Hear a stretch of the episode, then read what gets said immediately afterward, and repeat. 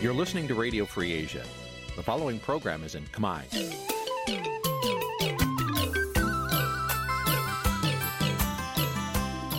នេះជាកម្មវិធីផ្សាយ Vuthu Azizi Serai នេះជាកម្មវិធីផ្សាយរបស់ Vuthu Azizi Serai ជា ភាសាខ្មែរ Vuthu Azizi Serai សូមស្វាគមន៍លោកអ្នកនាងទាំងអស់ពីរដ្ឋធានី Washington នៃសហរដ្ឋអាមេរិក។ចាប់ពីរដ្ឋធានី Washington នាងខ្ញុំម៉ៅសុធានីសូមជម្រាបសួរលោកអ្នកស្ដាប់ទាំងអស់ជាទីមេត្រី ចាស់យើងខ្ញុំសូមជូនការផ្សាយសម្រាប់ព្រឹកថ្ងៃអាទិត្យ12រោចខែជេសឆ្នាំខាលចត្វាស័កពុទ្ធសករាជ2566ហើយដល់ត្រូវនៅថ្ងៃទី26ខែមិថុនាគ្រិស្តសករាជ2022 ជាដំបូងនេះសូមអញ្ជើញលោកអ្នកនាងកញ្ញាស្ដាប់ព័ត៌មានប្រចាំថ្ងៃដែលមានមេត្តាដូចតទៅ thank you អង្គការសិទ្ធិមនុស្សអន្តរជាតិចង់ឲ្យបរដ្ឋយល់ដឹងពីបញ្ហាជួញដូរមនុស្សកម្មកររោងចក្រកាដេស្នើសុំដំឡើងប្រាក់ខែខណៈក្រសួងការងារក្រុងពិភាក្សាពីប្រាក់ឈ្នួលសម្រាប់ឆ្នាំ2023 ប្រពន្ធរបស់សកម្មជនបាក់ភ្លើងទៀនលោកលីសុខុន បារម្ភពីសុខភាពប្តីដែលកំពុងជាប់ឃុំ។អាជ្ញាធរនឹងបន្តចុះរុះរើសំណង់នៅសង្កាត់នគរធំក្រុងសៀមរាបបើទោះបីមានការតវ៉ាពីប្រជាពលរដ្ឋរួមនឹងព័ត៌មានផ្សេងផ្សេងមួយចំនួនទៀតចាត់ជាបន្តទៅទៀតនេះនាងខ្ញុំម៉ៃសុធានីសូមជូនព័ត៌មានទាំងនោះពឺស្ដាប់ ចាលោកនាងជាទីមេត្រីអង្គការសហប្រជាជាតិទទួលបន្ទុកសិទ្ធិមនុស្សនៅកម្ពុជាជំរុញឲ្យប្រជាប្រដ្ឋយល់ដឹង អំពីការជួញដូរមនុស្សនិងសិទ្ធិដែលមិនត្រូវបានគេជួញដូរការិយាល័យឧត្តមស្នងការអង្គការសហប្រជាជាតិទទួលបន្ទុកសិទ្ធិមនុស្សនៅកម្ពុជា បានបង្ហោះសារលើទំព័រ Facebook ផ្លូវការកាលពីថ្ងៃទី25ខែមិថុនាថាការជួញដូរមនុស្សគឺជាបញ្ហាសិទ្ធិមនុស្សយ៉ាងធ្ងន់ធ្ងរដែលកើតឡើងនៅទូទាំងពិភពលោកហើយក៏កើតមាននៅកម្ពុជាដែរគឺទៅតាមទម្រង់ផ្សេងផ្សេងគ្នាស្ថាប័នដដែលនេះគូបញ្ជាក់ថាការជួញដូរមនុស្សអាចរំលោភទៅលើសិទ្ធិមានត្រីភាព និងសវត្ថភាពព្រមទាំងសិទ្ធិមិនទទួលរងការធ្វើទរណកម្មអំពើឃុកឃៅអំពើអមនុស្សធម៌ និងការបន្ទាបបន្ថោឬក៏សិទ្ធិផ្សេងផ្សេងទៀតជាច្រើនដែលត្រូវបានទទួលស្គាល់ក្នុងពិធីសារអង្គការសហប្រជាជាតិហើយនឹងច្បាប់សិទ្ធិមនុស្សអន្តរជាតិដែលកម្ពុជាបានផ្ដល់សច្ចាប័នការិយាល័យឧត្តមស្នងការអង្គការសហប្រជាជាតិទទួលបន្ទុកសិទ្ធិមនុស្សនៅកម្ពុជា សង្កត់ធ្ងន់ថាមនុស្សគ្រប់គ្នាមានសិទ្ធិរស់រានមានជីវិត មានត្រីភាពសន្តិសុខលក្ខខណ្ឌការងារសមរម្យនិងត្រឹមត្រូវហើយសំខាន់ជានេះទៀត គឺសិទ្ធិមិនត្រូវបានគេជួញដូរស្ថាប័នអង្គការសហប្រជាជាតិដដែលនេះក៏បានជំរុញឲ្យមនុស្សគ្រប់គ្រប់គ្នាយល់ដឹងពីសិទ្ធិរបស់ខ្លួន និងក្រោកឈរដើម្បីសិទ្ធិមនុស្សករណីជួញដូរមនុស្សនៅកម្ពុជា នៅតែបន្តកើតមានច្រើនគួរឲ្យកត់សម្គាល់ និងគួរឲ្យព្រួយបារម្ភរបាយការណ៍របស់គណៈកម្មាធិការជាតិប្រយុទ្ធប្រឆាំងអំពើជួញដូរមនុស្សបានបង្ហាញថា កាលពីឆ្នាំ2021កន្លងទៅអាជ្ញាធរបង្ក្រាបបានករណីជួញដូរមនុស្សជាង200ករណីនិងបញ្ជូនជនល្មើសចំនួន400នាក់ទៅតុលាការចំណែកអជនរងគ្រោះវិញ គឺមានចំនួនជិត1400នាក់ក្នុងនោះ គឺមានស្ត្រីជិត600នាក់ដែលអាជ្ញាធរសង្គ្រោះបាន ពីករណីជួញដូរមនុស្សចំពោះករណីអាជីវកម្មពេទ្យចាចាវិញ អាជ្ញាធរបង្ក្រាបបានជាង100ករណីក្នុងនោះ86ករណីគឺជាអនិច្ចជន ដែលរងការរំលោភបំពាននិងបៀតបៀនផ្លូវភេទ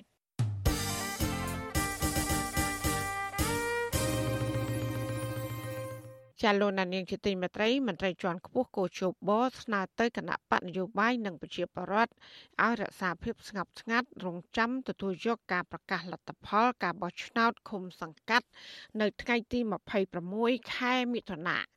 ការប្រកាសនេះគណៈដែលគណៈបកកណ្ដាលអំណាចទទួលបានលទ្ធផលដាច់គេក្នុងការបោះឆ្នោតមន្ត្រីសង្គមស៊ីវិលបារម្ភថាអាចនឹងមានការប្រកាន់និន្នាការនយោបាយក្នុងការបំពេញការងារបេក្ខជនឆ្នះឆ្នោតទាំងនោះជាប្រធានាធិបតី Washington លោកយ៉ងច័ន្ទដារារីកាព័ត៌មាននេះគណៈកម្មាធិការជាតិរៀបចំការបោះឆ្នោតកោជបនិងផ្សព្វផ្សាយលទ្ធផលបោះឆ្នោតជ្រើសរើសក្រុមប្រឹក្សាឃុំសង្កាត់អាណត្តិទី5ជាសាធារណៈនៅថ្ងៃទី26ខែមិថុនា ដែលនឹងចាក់ផ្សាយតាមប្រព័ន្ធផ្សព្វផ្សាយរបស់រដ្ឋនិងទំព័រ Facebook ផ្លូវការរបស់កោជបយោងតាមសេចក្តីប្រកាសព័ត៌មានរបស់កោជបកាលពីថ្ងៃទី24ខែមិថុនាមានគណៈបកនយោបាយចំនួន9បានទទួលអាសនៈក្រុមប្រឹក្សាឃុំសង្កាត់ក្នុងនោះគណៈបកប្រជាជនកម្ពុជាទទួលបានអាសនៈដាច់គេគឺជាង9000អាសនៈស្របពេលគណៈបកភ្លើងទៀនឈរលំដាប់ទី2ដោយទទួលបានអាសនៈជាង2000អាសនៈអ្នកនាំពាក្យកោជបលោកហងពុទ្ធីឲ្យដឹងថា តាមនីតិវិធីក្រោយកោជបប្រកាសលទ្ធផលបោះឆ្នោតផ្លូវការនេះរួចហើយកោជបនឹងបញ្ជូនលទ្ធផលនេះទៅក្រសួងមហាផ្ទៃហើយក្រសួងមហាផ្ទៃមានរយៈពេល2សប្តាហ៍ដើម្បីរៀបចំឲ្យបេក្ខជនជាប់ឆ្នោតនៅទូទាំងប្រទេសចូលបំពេញការងារការប្រកាសលទ្ធផលនេះក៏ផ្សារភ្ជាប់ជាមួយនឹងតំណែងក្នុងក្រុមប្រឹក្សាគុំសង្កាត់ដែលទទួលបានដោយគណៈបកសម័យរៀងៗខ្លួនដោយមានការគ្រប់គ្រងពីប្រជាពលរដ្ឋផងដែរ ទោះជាយ៉ាងណាមន្ត្រីអង្គការសង្គមស៊ីវិលចង់ឲ្យស្ថាប័នរៀបចំការបោះឆ្នោតមួយនេះចេះរៀនសូត្រពីកំហុសរបស់ខ្លួនដែលកើតមាននាពេលកន្លងទៅដើម្បីផ្ដល់ការជឿជាក់ដល់គណៈបកនយោបាយដែលបានចូលរួមប្រកួតប្រជែងអ្នកសម្របសម្រួលផ្នែកអង្គការនៃអង្គការឃ្លាំមើលការបោះឆ្នោត Confrel លោកកនសាវាងរំពឹងថាគោជបនឹងរៀនសូត្រពីកំហុសបច្ចេកទេសដែលកើតឡើងនៅក្នុងពេលបោះឆ្នោតកាលពីថ្ងៃទី5មិថុនាកន្លងទៅ ចំពោះការបំពេញការងាររបស់បេក្ខជនជាប់ឆ្នោតវិញមន្ត្រីឃ្លាំមើលការបោះឆ្នោតរូបនេះបារម្ភថាអាចនឹងមានការរើសអើងផ្នែកនយោបាយលោកកនសវាងលើកឡើងដូចនេះក្រោយពេលលោកសង្កេតឃើញថាបេក្ខជនជាប់ឆ្នោតមួយចំនួននៃគណៈបកភ្លើងទៀនកំពុងរងការធ្វើទុកបុកម្នេញ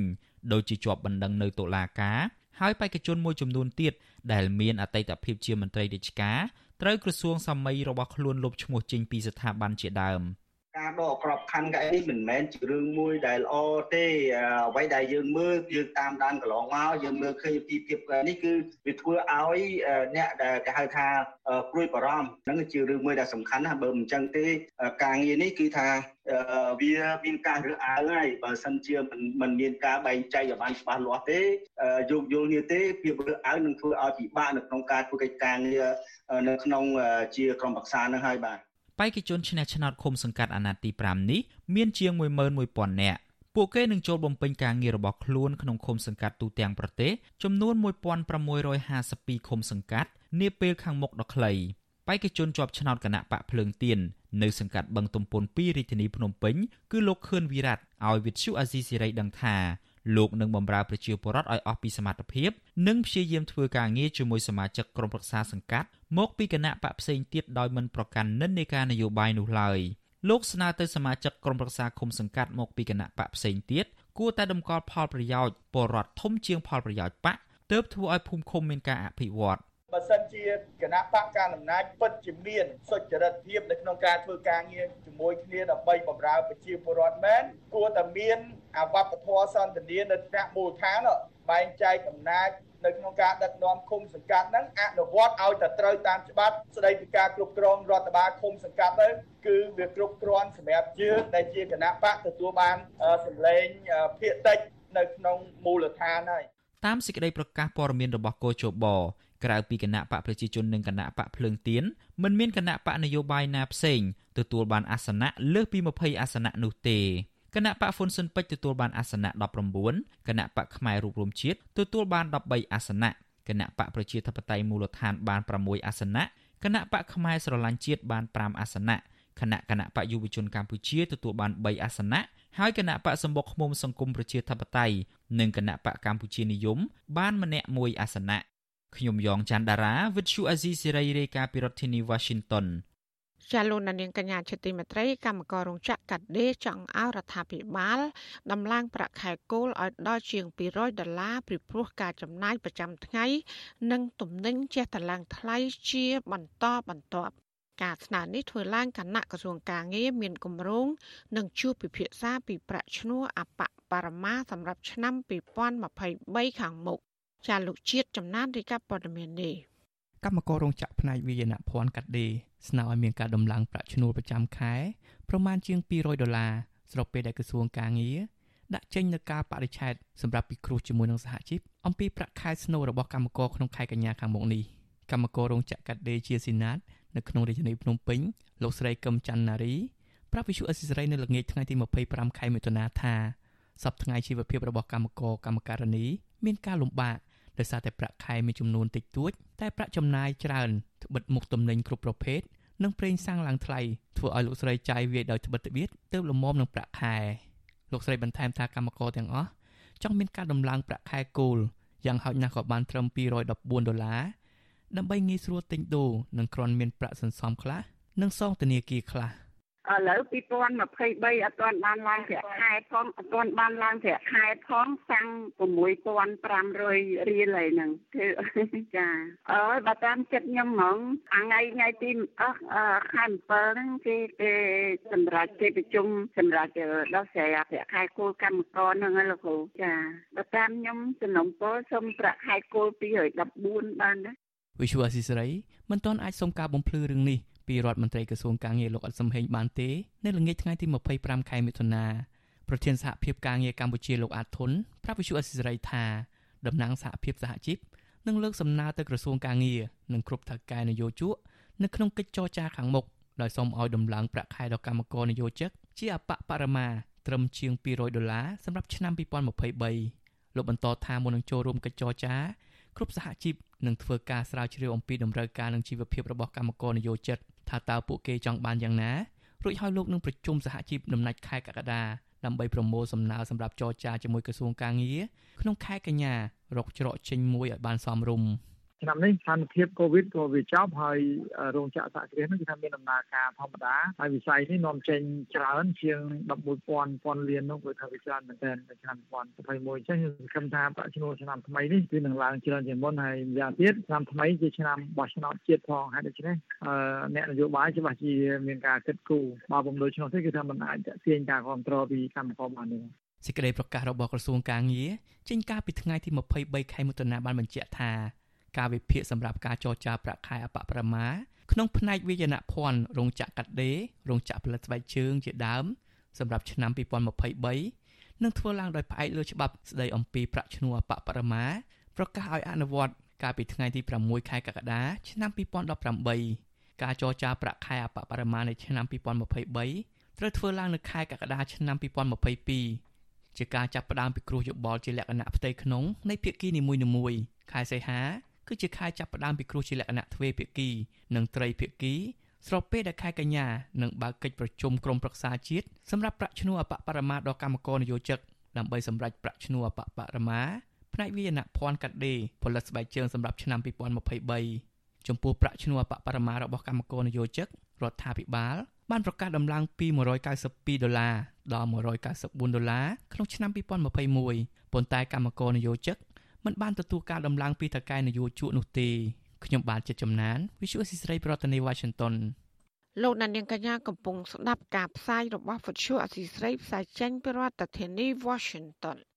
ជាប្រជាប្រដ្ឋនៅតំបន់ទលេបាទីទាមទារដល់រដ្ឋាភិបាលឲ្យលុបអនុក្រឹត្យស្ដីពីការកាត់ដីទន្លេបាទី កាត់ដីបឹងទន្លេបាទីជាង200ហិកតាទៅឲ្យបុគ្គលឯកជន។ តើមូលហេតុអ្វីបានជាប្រជាប្រដ្ឋមិនចង់ឲ្យក្រុមហ៊ុនឯកជនអភិវឌ្ឍនៅតំបន់រមណីយដ្ឋានទន្លេបាទីសេចក្តីរាយការណ៍ពីស្ដាមពីរឿងនេះលោកដានៀងនឹងបានស្ដាប់នាពេលបន្តិចទៀតនេះចាលោកដានៀងជាទីមេត្រីក្រោយទៅពីការស្ដាប់ការផ្សាយរបស់វិទ្យុអសីស្រីតាមបណ្ដាញសង្គម Facebook និង YouTube លោកដានៀងកញ្ញាក៏អាចស្ដាប់ការផ្សាយរបស់យើង តាមរយៈរលក ធាតុអាកាសខ្លីឬ short wave ដូចតទៅចាប់ពីព្រឹកចាប់ពីម៉ោង5កន្លះដល់ម៉ោង6កន្លះគឺតាមរយៈរលកធាតុអាកាសខ្លី12140 kHz ស្មើនឹងកម្ពស់ 25m និង13715 kHz ស្មើនឹងកម្ពស់ 22m ចាសម្រាប់ពេលយប់វិញគឺចាប់ពីម៉ោង7កន្លះដល់ម៉ោង8កន្លះ គឺតាមរយៈរលកធាតុអាកាសខ្លី9960 kHz ស្មើនឹងកម្ពស់ 30m 12140 kHz ស្មើនឹងកម្ពស់ 25m ហើយនឹង11885 kHz ស្មើនឹងកម្ពស់ 25m ចាសសូមអរគុណលោកនៅនាងជាទីមេត្រីតកតងនឹងរឿងនយោបាយវិញ ភរិយារបស់សកម្មជនបកភ្លើងទៀនលោកលីសុខុនបារម្ភអំពីសុខភាពរបស់ប្តីក្រោយជាប់ពន្ធនាគារដោយអយុត្តិធម៌ការព្រួយបារម្ភនេះគឺនៅបន្ទាប់ពីប្រពន្ធរបស់លោកលីសុខុន បានទៅជួបនៅពន្ធនាគារនិងឃើញប្តីមានភាពស្លេកស្លាំងនិងស្គមខុសពីមុន មន្ត្រីសង្គមស៊ីវិលយល់ឃើញថាករណីលោកលីសុខុននេះគឺមិនបានប្រព្រឹត្តកំហុសនិងចាត់ទុកថាការអនុវត្តច្បាប់គ្មានដំណាភាពរវាងបរិបទសាមញ្ញនិងអ្នកនយោបាយចាសសូមស្ដាប់សេចក្តីរាយការណ៍របស់លោកសេកបណ្ឌិតជំនាញព័ត៌មាននេះប្រពន្ធលោកលីសុខុន គឺលោកស្រីលីនលីដាព្រួយបារម្ភអំពីបញ្ហាសុខភាពប្តី បន្ទាប់ពីជាប់ពន្ធនាគារដោយសារគាត់មានសុខភាពស្គមស្លេកស្លាំងជាងមុន លោកស្រីលីនលីដាប្រាប់បទសុអសីស្រីថាលោកស្រីបានជួបប្តីម្ដងកាលពីថ្ងៃទី23មិថុនាលោកស្រីបន្តថាពេលចូលទៅដល់ពន្ធនាគារលោកស្រីមើលប្តីសឹងមិនស្គាល់ព្រោះលោកលីសុខុន មានសភាពស្គមស្លេកស្លាំងហើយសក់ក្បាលលោកត្រូវបានគេកោចេញ លោកស្រីឲ្យដឹងទៀតថាប្តីរបស់លោកស្រី បានប្រាប់ថាគេងមិនសូវលក់ញ៉ាំបាយមិនសូវបានមូសច្រើន និងកន្លែងគេងចង្អៀត លោកស្រីលីនលីដា នៅតែគិតថាករណីនេះ មានជាប់ពាក់ព័ន្ធជាមួយនឹងរឿងនយោបាយនិងទាមទារឲ្យមានការដោះលែងប្តីរបស់លោកស្រីមកវិញខ្ញុំនៅតែនិយាយទៅថាគឺវាអយុត្តិធម៌សម្រាប់គ្រួសារខ្ញុំហើយពេលដែលគាត់ចូលទៅអញ្ចឹងវាពិបាកគាត់នោះនៅហើយឥឡូវហ្នឹងគាត់ឈឺគាត់អីអញ្ចឹងណាហើយគាត់ស្គម សាច់គាត់ភ្លេចខ្ញុំច្រើនរហូតដល់ខ្ញុំមើលក៏អត់ស្គាល់អញ្ចឹងវាអយុត្តិធម៌មែនទែនសម្រាប់គ្រួសាររបស់ខ្ញុំហ្នឹងអ្នកនាំពាក្យសាលាដំបងខេត្តបាត់ដំបងលោកស្រីជាច័ន្ទរស្មីមិនទាន់អាចបំភ្លឺប្រាប់បទសុអសីសេរីអំពីបញ្ហានេះបានទេ កាលពីថ្ងៃទី25ខែមិថុនាដោយលោកស្រីអះអាងថាជាថ្ងៃឈប់សម្រាកជុំវិញរឿងនេះអ្នកសម្របសម្រួលផ្នែកឃ្លាំមើលការរំលោភសិទ្ធិមនុស្សនៃអង្គការលីកាដូប្រចាំនៅខេត្តបាត់ដំបង លោកអិនគង់ចិត្តប្រាប់បទសុអសីសេរីនៅថ្ងៃទី25មិថុនាថាប្រសិនបើលោកលេសខុន ជាពលរដ្ឋសាមញ្ញនោះករណីនេះគឺត្រូវបានបញ្ចប់រួចទៅហើយព្រោះលោកយល់ថារឿងនេះគ្រាន់តែជាករណីវិវាទនៅក្នុងសហគមន៍ប៉ុណ្ណោះប៉ុន្តែលោកលីសខុន គឺជាសកម្មជនគណៈបកនយោបាយគឺគណៈបកភ្លើងទៀននិងជាសាស្ត្រាចារ្យផ្នែកច្បាប់ផងទើបធ្វើឲ្យលោកមើលឃើញពីភាពខុសឆ្គង និងផ្ទុយពីនីតិវិធីច្បាប់បោះឆ្នោតរបស់បុគ្គលមួយចំនួនទើបលោកថតរូបភាពនោះទុកជាភ័ស្តុតាងដើម្បីលាតត្រដាងដល់មហាជន។ ខាងខ្ញុំគឺមិនឃើញថាមានបទល្មើសទេបាទបើយើងមើលមាត្រា299នៅក្នុងក្រមព្រំប្រទានបទរំលោភលើលំនៅឋានហ្នឹងលោកត្រាតេជនហ្នឹងគាត់បានប្រើអំពើហិង្សាហើយបង្ខិតបង្ខំគំរាមកំហែងឬមានអបាយកលចូលទៅក្នុងលំនៅឋានរបស់អ្នកដទៃប៉ុន្តែករណីនេះលោកលីសខុនហ្នឹងករណីដែលគាត់បានចាប់ផោះតាងបានហ្នឹងគឺនៅព្រឹកថ្ងៃទី5មិថុនាដែលជាថ្ងៃបោះឆ្នោតហ្នឹងគាត់ឈរនៅឯចិញ្ចើមផ្លូវសាធារណៈនោះទេអញ្ចឹងគាត់អត់បានប្រើហិង្សាគាត់អត់បានបង្ខិតបង្ខំហើយគាត់អត់បានគំរាមកំហែងឬប្រើអបាយកលទេចុងក្រោយគាត់បាននិយាយថាអូមិនអីមិនអីទេណាបើយើងពិនិត្យនៅលើវីដេអូឃ្លីបរបស់គាត់ហ្នឹងណាលោកលីសខុនជាសមាជិកក្រុមការងារគណៈបកភ្លើងទៀនប្រចាំនៅខេត្តបាត់ដំបងត្រូវបានសមត្ថកិច្ចចាប់ឃុំខ្លួននៅព្រឹកថ្ងៃទី8មិថុនានៅហាងកាហ្វេមួយកន្លែងក្នុងក្រុងបាត់ដំបងដោយចោទពីបទ រំលោភសិទ្ធិលំនៅឋាន បន្ទាប់ពីលោកថតវីដេអូក្រុមអាជ្ញាធរមូលដ្ឋាន ដូចជាមេភូមិជាដើម ដែលជាអ្នកគាំទ្រគណៈបកកណ្ដាលអំណាចដាក់ទុកអង្គុយកត់ឈ្មោះពលរដ្ឋនៅក្បែរការិយាល័យបោះឆ្នោត នៅថ្ងៃបោះឆ្នោតក្រុមប្រឹក្សាឃុំសង្កាត់ស្ថិតនៅភូមិកំពង់សម្បួរឃុំសំរោងក្នុងស្រុកឯកភ្នំខេត្តបាត់ដំបងអង្គការសង្គមស៊ីវិលចាត់ទុកការចាប់ខ្លួនលោកលីសខុនដាក់ពន្ធនាគារ ដោយសារតែការបង្ហាញពីភាពមិនប្រក្រតីនៃការបោះឆ្នោតនោះថាជារឿងអយុត្តិធម៌និងទាមទារឲ្យទម្លាក់បទចោទប្រកាន់ហើយដោះលែងរូបលោកឲ្យមានសេរីភាពមកវិញខ្ញុំបាទសេកបណ្ឌិតវិទ្យុអាស៊ីសេរីពីរដ្ឋធានីវ៉ាស៊ីនតោន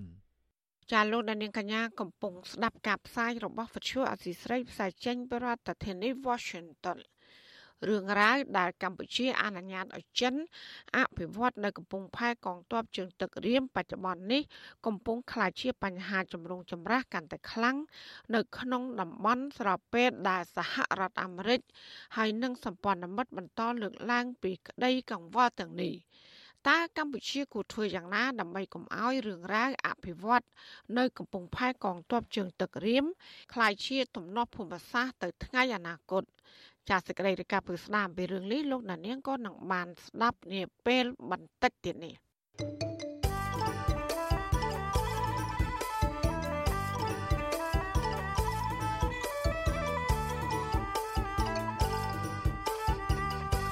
ចាលោកនានីជាទីមេត្រីអាញាធរជាតិអប្សរានឹងបន្តចុះរុះរើសំណង់នៅភូមិអញ្ចាញសង្កាត់នគរធំក្រុងសៀមរាបបើទោះបីជាមានបរិវត្តតវ៉ាមិនអោយមានការរុះរើយ៉ាងណាក្តី អគ្គនាយករងអាជ្ញាធរជាតិអប្សរាលោកលងកុសល ប្រាប់បច្ចុប្បន្នស៊ីស្រីថាការចុះរុះរើនេះគឺអនុលោមទៅតាមសេចក្តីសម្រេចពីការកំណត់បទដ្ឋាននៃការប្រើប្រាស់ដីធ្លីនៅតំបន់1និងតំបន់2ក្នុងតំបន់រមណីយដ្ឋានសៀមរាបអង្គរលោកបន្ថែមថាអាញាធរអប្សរា បានតាក់ទងជាមួយនឹងរដ្ឋបាលក្រុងសៀមរាបដើម្បីផ្សព្វផ្សាយអំពីការចុះរុះរើសំណង់ខុសច្បាប់ទាំងនេះរួចហើយ។ ទោះយ៉ាងណាអ្នកភូមិអញ្ចាញសង្កាត់នគរធំ លោកស្រីឈឹមស្រៀងក៏បានស្នើសុំអាជ្ញាធរអប្សរា មានការយោគយល់ដល់ប្រជាប្រដ្ឋក្រីក្រ ពីព្រោះថាប្រជាប្រដ្ឋបានខ្ចីលុយធនាគារដើម្បីសាងសង់ហើយសំណង់ទាំងនេះគឺធ្វើឡើងនៅទីតាំងសំណង់ចាស់តែប៉ុណ្ណោះ កាលពីថ្ងៃទី23ខែមិថុនាប្រជាប្រដ្ឋជាង400នាក់បាននាំគ្នាតវ៉ាទាមទារឲ្យអាជ្ញាធរបញ្ឈប់សកម្មភាពចុះរុះរើសម្រាប់ផ្ទះចំនួន27កន្លែងនៅភូមិអញ្ចាញសង្កាត់នគរធំក្រុងសៀមរាបមន្ត្រីសមាគមអាត់ហុកប្រចាំខេត្តសៀមរាបលោកសួសណារិនក៏សម្គាល់ថាកន្លងមកមានការចុះរុះរើសំណង់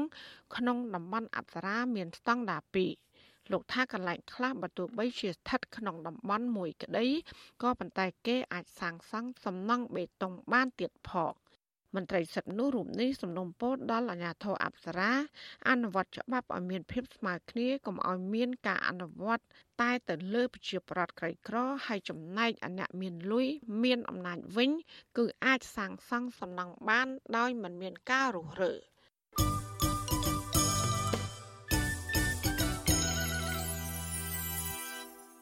ចាលោកនានីជាទីមេត្រីនៅឯខេត្តព្រះវិហារនៅវិញប្រជាពលរដ្ឋនៅស្រុករវៀងស្នើឲ្យអាជ្ញាធរពន្លឿនការដោះស្រាយបញ្ហាចំនួនដីធ្លីជូនពួកគាត់នៅបន្ទាប់ពីរងភាពអយុត្តិធម៌អស់រយៈពេលជាច្រើនឆ្នាំមកហើយចាមន្ត្រីសង្គមស៊ីវិលចាត់ទុកដំណត់ដីធ្លីជាមួយក្រុមហ៊ុនរ៉ែមៀដែលខំគឺជាបញ្ហារ៉ាំរ៉ៃហើយដែលទាមទារអាជ្ញាធរត្រូវដោះស្រាយឲ្យបានឆាប់រហ័ស ចានេះគឺជាសកម្មភាពមួយទៀតរបស់លោកយ៉ងច័ន្ទរាជំវិញបញ្ហានេះប្រជាពលរដ្ឋជាច្រើនគ្រួសារនៅស្រុករវៀងខេត្តព្រះវិហារប្រឈមទៅនឹងបញ្ហាចំនួនដីធ្លីជាមួយក្រុមហ៊ុនរ៉ែមាសរបស់ចិនអស់រយៈពេលជាច្រើនឆ្នាំមកហើយធ្វើឲ្យពួកគាត់ជួបប្រទះការលំបាកក្នុងការរស់នៅ និងប្រកបរបរចិញ្ចឹមជីវិតប្រជាពលរដ្ឋរស់នៅក្នុងឃុំរមនីស្រុករវៀងខេត្តព្រះវិហារលោកស្រីលឹងហួរថ្លែងថា លោកស្រីកំពុងជួបប្រទះបញ្ហាជីវភាពរស់នៅដោយមិនមានដីសម្រាប់ធ្វើកសិកម្មតទៅទៀតទេជាមួយគ្នានេះលោកស្រីត្រូវប្រឈមជាមួយការដោះស្រាយបណ្ដឹងរវាងលោកស្រីជាមួយនឹងបុគ្គលម្នាក់ឈ្មោះប៉ែនសង ដែលរំលោភយកដីធ្លីដោយមានអភិបាលស្រុករវៀងជាអ្នកការពារផងនោះ ជាហេតុបណ្ដាលឲ្យលោកស្រីត្រូវបន្ថែមការចំណាយមួយកម្រិតទៀតទៅលើជីវភាពដែលកំពុងខ្វះខាតស្រាប់លោកស្រីស្នើសុំឲ្យអាជ្ញាធរ ជួយពន្លឿនការដោះស្រាយបណ្ដឹងដីធ្លីរបស់លោកស្រី ដែលបានកកស្ទះតាំងពីឆ្នាំ2021មកនេះឲ្យបានឆាប់រហ័សដើម្បីលោកស្រីបានបង្កបង្កើនផលចិញ្ចឹមជីវិតនៅលើដីនោះ។ អត់បានធ្វើអីទាំងអស់ឆ្នាំនេះវាធ្វើអស់រលីងទាំងដីចង្ការទាំងដីស្រែវាយូរយូរអស់រលកហើយនេះខ្ញុំចូលធ្វើអត់បានចូលវាដេញកាប់ដេញច្រាស់សាលាខេតក៏សាលាខេតគេពជាពីលហើយចាំបាក់មកពីពេញពីអីណាដឹងគេខ្ញុំចាំងសងំពោឲ្យពេញចាប់ឲ្យឆាប់ឆាប់ងាលខ្ញុំចូលធ្វើស្រែនឹងខេម7នេះពលរដ្ឋម្នាក់ទៀតនៅក្នុងឃុំរមនី គឺលោកសេងហុងឲ្យដឹងដែរថាបញ្ហាទំនាស់ដីធ្លីជាមួយក្រុមហ៊ុនរ៉ែមាសដែលខំរបស់ចិនបានធ្វើឲ្យជីវភាពគ្រួសាររបស់លោកធ្លាក់ចុះដុនដាប រហូតដល់ថ្នាក់ខ្ចីលុយពីធនាគារលោកបន្តថាដីស្រែចម្ការរបស់លោកត្រូវបានក្រុមហ៊ុនមួយនេះធ្វើរបងពាត់យកធ្វើឲ្យលោកមិនអាចបង្កបង្កើនផលនៅលើដីនោះ ដែលធ្វើឲ្យលោកត្រូវបង្ខំចិត្តលក់ផ្ទះសងធនាគារទៀតផងលោកអំពាវនាវឲ្យអាជ្ញាធរដោះស្រាយបញ្ហានេះឲ្យបានឆាប់រហ័សនិងដោយភាពយុត្តិធម៌ដោយប្រកល់ដីឲ្យប្រជាពលរដ្ឋវិញដើម្បីឲ្យពួកគាត់បានដាំដុះនៅលើដីនោះ ខខ្ញុំមកដីស្រែដីកំណោះជាមួយគេនោះក៏អត់បានទៅធ្វើទេអាជាប់ហ្នឹងក៏បានធ្វើដែរបាទខ្ញុំមើលវាធម្មតាដីដែលយើងខំទិញពីពីអ្នកភូមិមកយើងទ្រព្យសម្បត្តិរបស់ខ្លួនយើងយើងចង់បានទេណាសូមឲ្យអាជ្ញាធរជួយដោះស្រាយឲ្យពន្លឿនឲ្យគ្នាផងពួកអីគ្នាអត់មានដីបង្កកើនផលតទៅទៀតទេវិទ្យុអាស៊ីសេរីនៅពុំទាន់អាចតាក់ទងអភិបាលស្រុករវៀងលោកហៅប៊ុនហួរបាននៅឡើយទេ នៅថ្ងៃទី25មិថុនា ចំណែកមេឃុំរមនីលោកខុតរីវិញលោកឲ្យដឹងថាអាជ្ញាធរមូលដ្ឋានបានដោះស្រាយបញ្ហាចំនួនដីធ្លីនេះជូនប្រជាពលរដ្ឋអស់ជាច្រើនមកហើយក៏ប៉ុន្តែលោកថាប្រជាពលរដ្ឋនិងភាគីចំនួនផ្ទាល់គឺមិនបានសម្រុះសម្រួលគ្នាទៅតាមការដោះស្រាយរបស់អាជ្ញាធរនោះទេខ្ញុំវាហួសសមត្ថភាពដោះស្រាយព្រោះដោះច្រើនលើកហើយវាដោះអត់ចេញដោយសារភាគីទាំងសងខាងគាត់មិនព្រមព្រៀងគ្នាដើម្បីសម្បទានឲ្យគ្នាទៅវិញទៅមក ជុំវិញរឿងនេះអ្នកនាំពាក្យសមាគមការពារសិទ្ធិមនុស្សអាត6លោកសឹងសែនករណាមានប្រសាសន៍ថាបញ្ហាចំនួនដីធ្លីរបស់ប្រជាពលរដ្ឋនៅស្រុករវៀងនេះកើតមានឡើងតាំងពីយូរយារណាស់មកហើយនិងមិនឃើញមានដំណោះស្រាយណាមួយជូនប្រជាពលរដ្ឋប្រកបដោយប្រសិទ្ធភាពនោះទេ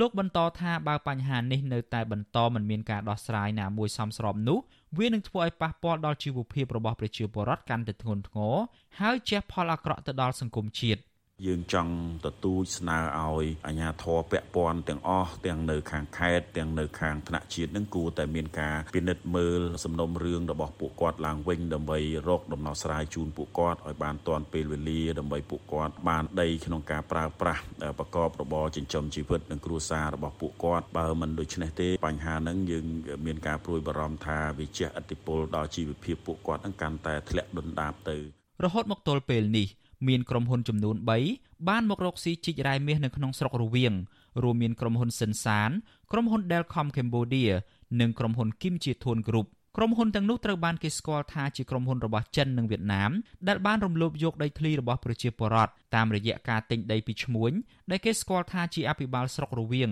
និងបពពួកក្រៅពីបញ្ហាដីធ្លីត្រូវបានកកស្ទះមិនមានការដោះស្រាយប្រជាពលរដ្ឋក៏កំពុងត្រូវបានរងការគំរាមកំហែងមិនឲ្យចូលទៅបង្កបង្កើនផល និងទាញប្រយោជន៍ពីដីរបស់ខ្លួនដែរព្រមទាំងមានការគំរាមដកហូតយកដីទាំងនោះទៀតផង កាលពីចុងឆ្នាំ2020ក្រុមហ៊ុនរ៉ែមាសទាំងនោះបានពង្រីកផ្ទៃដីធ្វើអាជីវកម្មរ៉ែមាសជាថ្មី ដោយហុំព័ទ្ធដីបោះបង្គោលព្រំដី បំពេញយកដីស្រែចម្ការរាប់ពាន់ហិកតាបណ្ដាលឲ្យប៉ះពាល់ដល់អ្នកស្រុករាប់រយគ្រួសារក្រមប្រជាពលរដ្ឋព្យាយាមស្វែងរកកិច្ចអន្តរាគមន៍ស្ទើរតែគ្រប់ស្ថាប័ននិងសង្ឃឹមថា ក្រោយការបោះឆ្នោតក្រុមប្រឹក្សាឃុំសង្កាត់រដ្ឋាភិបាលនឹងជួយរកយុត្តិធម៌ឲ្យពួកគាត់ក៏ប៉ុន្តែផ្ទុយទៅវិញបែរជាមិនមានដំណោះស្រាយណាមួយទេខណៈអាជ្ញាធរខ្លះនៅតែបន្តរំលោភយកដីធ្លីរបស់ពួកគាត់យកទៅលក់ឲ្យក្រុមហ៊ុន ដើម្បីពង្រីកផ្ទៃដីធ្វើអាជីវកម្មរ៉ែមាសរបស់ពួកគេទៀតផងខ្ញុំយ៉ងច័ន្ទដារាវិទ្យុអាស៊ីសេរីរាយការណ៍ពីរដ្ឋធានី Washington ចាលោកអ្នកស្ដាប់យុតិមេត្រីពាក់ព័ន្ធនឹងបញ្ហាបរិស្ថានវិញក្រមយុវជននិងប្រសង់ជាច្រើនអង្គនិងអ្នកកំពុងចុះទៅតំបន់អរ៉ែងរយៈពេល3ថ្ងៃដើម្បីធ្វើធម្មយាត្រាចូលរួមទប់ស្កាត់បទល្មើសព្រៃឈើដែលនៅសេសសល់ចុងក្រោយឲ្យបានគង់វង្សសម្រាប់កូនខ្មែរចំនួនក្រោយសូមលោកដានៀងកញ្ញាស្ដាប់សេចក្តីរាយការណ៍មួយទៀតរបស់លោកជាតិចំណានជំនាញព័ត៌មាននេះដូចតទៅក្រមយុវជនខ្មែរថាវរៈនិងប្រសង់ប្រមាណ30នាក់ កំពុងចុះទៅតំបន់អរ៉ែងរយៈពេល2យប់និង3ថ្ងៃដោយចាប់ពីថ្ងៃទី25ដល់ថ្ងៃទី27ខែមិថុនាដើម្បីផ្សព្វផ្សាយឲ្យពលរដ្ឋនៅមូលដ្ឋានយល់ដឹងពីសារៈសំខាន់នៃព្រៃឈើនិងចូលរួមជាមួយនឹងសហគមន៍ក្នុងការទប់ស្កាត់បទល្មើសព្រៃឈើ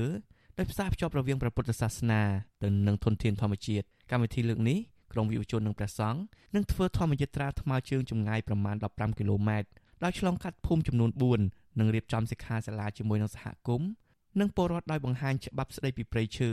ច្បាប់ស្តីពីតំបន់ការពារធម្មជាតិព្រមទាំងចែកសិភើច្បាប់ទាំងនោះចំនួន150ក្បាលជូនដល់ពួកគាត់ផងដែរសមាជិកក្រុមយុវជនខ្មែរថាវរៈលោកស្វាយសំណាងប្រាប់វិសុអសិស្រ័យនៅថ្ងៃទី25ខែមិថុនាថាមូលហេតុដែលក្រុមយុវជនចុះទៅតំបន់អរ៉ែងដោយសារតែពួកគេបារម្ភពីការបាត់បង់ធនធានធម្មជាតិដ៏មានតម្លៃ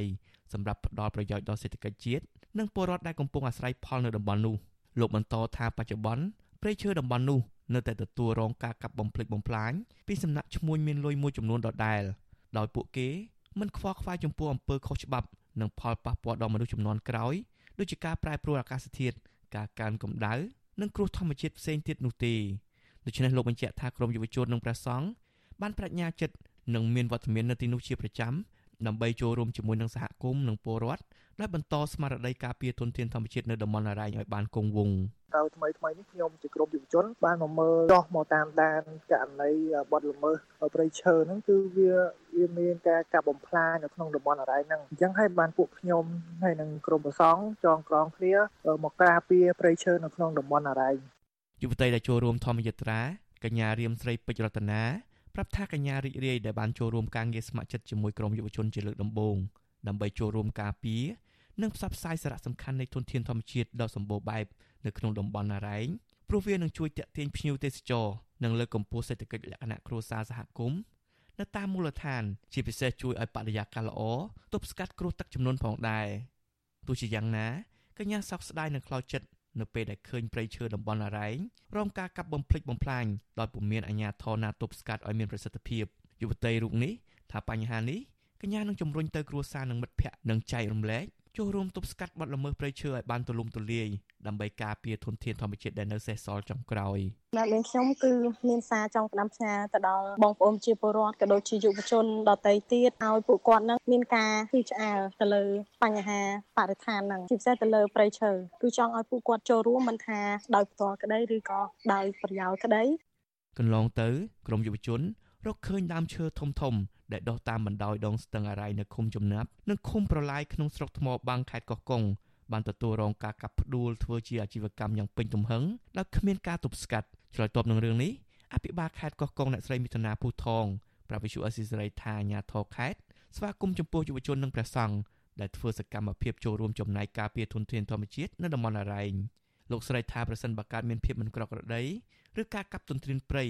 អ្នកស្រីជំរុញឲ្យពលរដ្ឋ រាយការណ៍ទៅកាន់អនុរិយព្រៃឈើសហគមន៍ឬអង្គការក្រៅរដ្ឋាភិបាលនៅតំបន់នោះដើម្បីឲ្យអាជ្ញាធរចាត់វិធានការតាមផ្លូវច្បាប់ចំណែកករណីយុវជនលើកឡើងតាក់ទងទៅនឹងឈ្មោះលួចកាប់បំផ្លាញព្រៃឈើនៅតំបន់នោះវិញអ្នកស្រីបញ្ជាក់ដោយខ្លីថាអាជ្ញាធរនឹងពិនិត្យមើលរឿងនេះអញ្ចឹងតើកើតមានអីគាត់ប្តឹងទៅតាមប្រព័ន្ធអនុរៈព្រៃឈើហ្នឹងនៅនឹងបានចាគាត់អាចចំណេះក្នុងនេះតាមដែលមានទាំងជាតិត្រក្តីអាចទូតំណែងមកលោកនាយករដ្ឋមន្ត្រីហ៊ុនសែនធ្លាប់លើកឡើងថា បំណងរបស់លោកចង់រក្សាតំបន់អរ៉ែងទុកឲ្យកូនខ្មែរចំនួនក្រោយជាអ្នកសម្រេចថាតើត្រូវធ្វើដូចម្តេចការលើកឡើងនេះស្របទៅនឹងអ្វីដែលក្រមយុវជនខ្មែរថាវរៈពលរដ្ឋនិងព្រះសង្ឃចង់រក្សាតំបន់ព្រៃភ្នំអរ៉ែងនេះឲ្យនៅគង់វង្សយូរអង្វែងព្រះសង្ឃនិមន្តចូលរួមធម្មយាត្រាបដិជគុណអ៊ុតគង់មានថ្នាក់ដីកាថាព្រះអង្គបានរៀបចំស្លាកសរសេរជាទស្សនៈមួយចំនួនដើម្បីដាក់បង្ហាញទៅកាន់ប្រជាពលរដ្ឋនៅតំបន់អរ៉ែងឲ្យយល់ដឹងពីសារៈសំខាន់ព្រៃឈើ ព្រមទាំងបង្ហាញពីការមិនអនុវត្តច្បាប់របស់អាជ្ញាធរមូលដ្ឋានជាដើមព្រះអង្គអំពាវនាវដល់ពលរដ្ឋខ្មែរទាំងអស់ឲ្យចូលរួមថែរក្សាតំបន់អរ៉ែងឲ្យបានគង់វង្សនិងសំណូមពរដល់អាជ្ញាធរពាក់ព័ន្ធចូលរួមសហការនឹងការពារសវត្ថិភាពក្រុមយុវជនដែលធ្វើសកម្មភាពនៅតំបន់នោះដោយមិនមានការធ្វើទុកបុកម្នេញឬរារាំងប្រសាសន៍ក្នុងការធ្វើធម្មយាត្រានេះអាត្មានឹងរៀបចំជាផ្លាឬក៏ជាទស្សនៈ ដើម្បីលើកបង្ហាញឲ្យប្រជាពលរដ្ឋនៅតំបន់ហ្នឹងបានឃើញហើយយល់ដឹងពីសារៈសំខាន់នៃប្រៃឈើទី2អាត្មានឹងបង្ហាញពីចំណុចខ្វះខាតតែមន្ត្រីមូលដ្ឋានមួយចំនួនគាត់មិនបានអនុវត្តច្បាប់ទៅតាមបទបញ្ញត្តិនៃច្បាប់ដែលបានចែងឲ្យប្រមុខរាជរដ្ឋាភិបាលគាត់មានវិធានការណាមួយក្នុងការទប់ស្កាត់ឬរឹតបន្តឹងមន្ត្រីមូលដ្ឋានដែលគ្រប់គ្រងនៅតំបន់អភិរក្សនេះ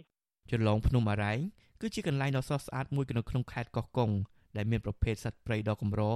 អមដោយព្រៃឈើដ៏ស្រស់ត្រកាលបន្សល់ទុកចុងក្រោយនៅកម្ពុជា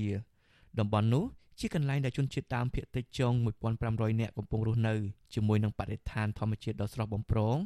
តាមបណ្ដោយជ្រលងភ្នំដែលមានសត្វព្រៃកម្ររស់នៅរួមមានសត្វក្រពើភ្នំត្រីនាគដំរីធំធំជាដើមបច្ចុប្បន្នដើមកគីនិងដើមឈើទាលជាដើមដែលដុះតាមបណ្ដោយដងស្ទឹងអរ៉ែងដែលជាអត្តសញ្ញាណប្រពៃណីជនជាតិដើមភាគតិចកំពុងប្រឈមការបាត់បង់ទាំងស្រុង ខ្ញុំបាទជាតិចំណាន Visual Assisray ប្រធានាទី Washington លោកដានៀងជាទីមេត្រីនៅឯប្រទេសអូស្ត្រាលីនៅវិញសមាគមខ្មែរនៅរដ្ឋ Victoria កាលពីថ្ងៃទី25ខែមិថុនាម្សិលមិញបានធ្វើពិធីសម្ពោធខ្លោងទ្វារនិងរបងរបស់សហគមន៍ ដែលជានិមិត្តរូបតំណាងឲ្យស្នាដៃបុព្វបុរសខ្មែរសម័យអង្គរហើយដែលបានបន្សល់ទុកឲ្យកូនខ្មែរចំនួនក្រោយរក្សាទុក នៅលើទឹកដីពហុវប្បធម៌អូស្ត្រាលី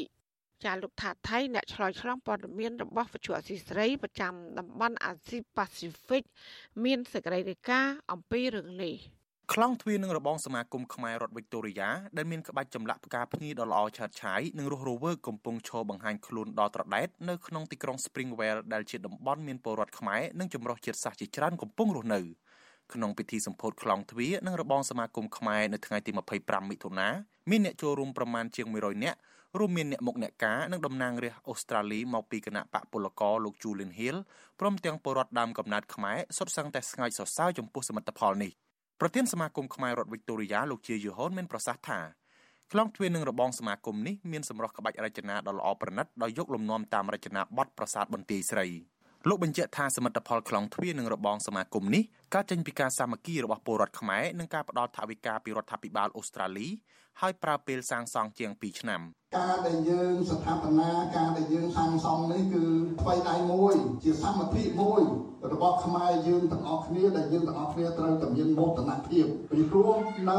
ប្រទេសអូស្ត្រាលីនេះជាពិសេសនៅសាលាក្រុង Greater Dartmouth នេះគឺមានសញ្ជាតិ160សញ្ជាតិជាងដូច្នេះ បើយើងគ្មានអ្វីទៅបង្ហាញគេទេគ្មានអ្នកណាស្គាល់ទេខ្មែរយើងដើរទៅគេថាអូយើងមិនចិនយើងមិនយួនដូច្នេះយើងមានតែបង្ហាញយ៉ាងម៉េចស្នាដៃរបស់យើងនឹងដើម្បីឲ្យគេឃើញដើម្បីឲ្យគេដឹងឲ្យគេចាត់អារម្មណ៍ជាមួយគ្នានេះតំណាងរាស្ត្រអូស្ត្រាលីដើមកំណត់ខ្មែរលោកតាក់មិញហៀង លើកឡើងថាសមាគមខ្មែរគឺជាមជ្ឈមណ្ឌលកណ្ដាលមួយដែលថែរក្សាវប្បធម៌អរិយធម៌និងជាកន្លែងដែលបម្រើនៅសេចក្តីត្រូវការរបស់ប្រជាពលរដ្ឋខ្មែរលោកបន្តថាជារឿងមោទនភាពដែលសមាគមខ្មែរអាចសាងសង់ខ្លងទ្វារនិងរបងដែលឆ្លុះបញ្ចាំងពីអត្តសញ្ញាណខ្មែរ ថាយើងជាជនជាតិដែលមានដើមកំណើតដែលមានវប្បធម៌មានអរិយធម៌មានអ្វីៗទាំងអស់ដែលយើងត្រូវតែមានមោទនភាពហើយនឹងបន្តទៅដល់កូនចៅចំនួនទី2ចំនួនទី3ដើម្បីឲ្យគាត់បានស្គាល់ថានេះគឺជាខ្មែរមូលហេតុអ្វីបានជាយើងមកដល់ប្រទេសអូស្ត្រាលីហើយមូលហេតុអ្វីបានជាសមាគមខ្មែរគាត់បាន ខិតខំប្រឹងប្រែងរហូតទៅដល់មាន gate ដែលជាក្បូរក្បាច់បន្ទាយស្រីតែម្ដងហើយមានរហូតដល់របងផងដែរនេះគឺជាសមិទ្ធផលដ៏សំខាន់នេះគឺជាការចាក់ដោតយ៉ាងជ្រៅដើម្បីឲ្យកូនចៅចំនួនក្រោយនៅក្នុងរដ្ឋ Victoria នៅក្នុងប្រទេសអូស្ត្រាលីនេះយើងបានស្គាល់ក្រៅពីការថ្លែងសន្ទរកថារបស់តំណាងសហគមន៍ខ្មែរសំខាន់សំខាន់នោះពិធីនេះក៏មានការសម្ដែងរបាំជូនពរនិងមានប្រសង់សូត្រជយន្តតប្រោះព្រំសិរីសួស្ដីនិងពិធីកាត់ខ្សែបូជាដើម ប្រធានសាខាសហព័ន្ធខ្មែរកម្ពុជាក្រោមប្រចាំរដ្ឋវីកតូរីយ៉ាលោកយ៉ាញ់បូណាតដែលចូលរួមពិធីនេះថ្លែងថាលោកពេញចិត្តជាខ្លាំងចំពោះរចនាបថខ្លងទ្វារនិងរបងសមាគមនេះនិងតាក់ភ្នែកជាតិសាសផ្សេងផ្សេងទៀតអស្ចារ្យមែនទែនបើមកដល់ប្រទេសអូស្ត្រាលីហើយយើងនៅរក្សាបានគេមរតកដូនតារបស់យើងតាំងពីបរមបុរាណមកអញ្ចឹងណាហើយក្បាច់ហ្នឹងលេចធ្លោឃើញឃើញឡើងដឹងថាមកកន្លែងកន្លែងមកខ្មែរហ្មងនេះដូចជាតា ទៅកំណើតទី2របស់យើងអ្នកចូលរួមក្នុងពិធីសម្ពោធនេះដែលមានទាំងពលរដ្ឋខ្មែរនិងជាតិសាសន៍ដទៃជាច្រើនទៀតសុទ្ធតែស្ងើចសរសើរចំពោះស្នាដៃនៃការសាងសង់ខ្លងទ្វារនិងរបងសមាគមនេះដើម្បីរក្សាទុកជាច្រើនចំនួនតទៅទៀតនៅលើទឹកដីពហុវប្បធម៌អូស្ត្រាលីពួកគាត់ក៏នាំគ្នាថតរូបទុកជាអនុស្សាវរីយ៍ផងដែរខ្ញុំថាថៃពីទីក្រុងមែលប៊ន thank you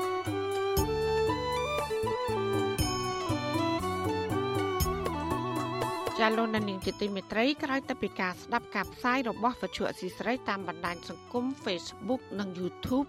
លោកនាងកញ្ញាក៏អាចស្ដាប់ការផ្សាយរបស់យើង តាមរយៈរលក ធាតុអាកាសខ្លីឬ Short Wave ដូចតទៅចាប់ពីព្រឹកចាប់ពីម៉ោង5កន្លះដល់ម៉ោង6កន្លះគឺតាមរយៈរលកធាតុអាកាសខ្លី12140 kHz ស្មើនឹងកម្ពស់ 25m និង13715 kHz ស្មើនឹងកម្ពស់ 22m ចាសម្រាប់ពេលយប់វិញគឺចាប់ពីម៉ោង7កន្លះដល់ម៉ោង8កន្លះគឺតាមរយៈរលកធារកាសខ្លី9960 kHz ស្មើនឹងកម្ពស់ 30m 12140 kHz ស្មើនឹងកម្ពស់ 25m ហើយនឹង 11885 kHz ស្មើនឹងកម្ពស់ 25m ចាសសូមអរគុណ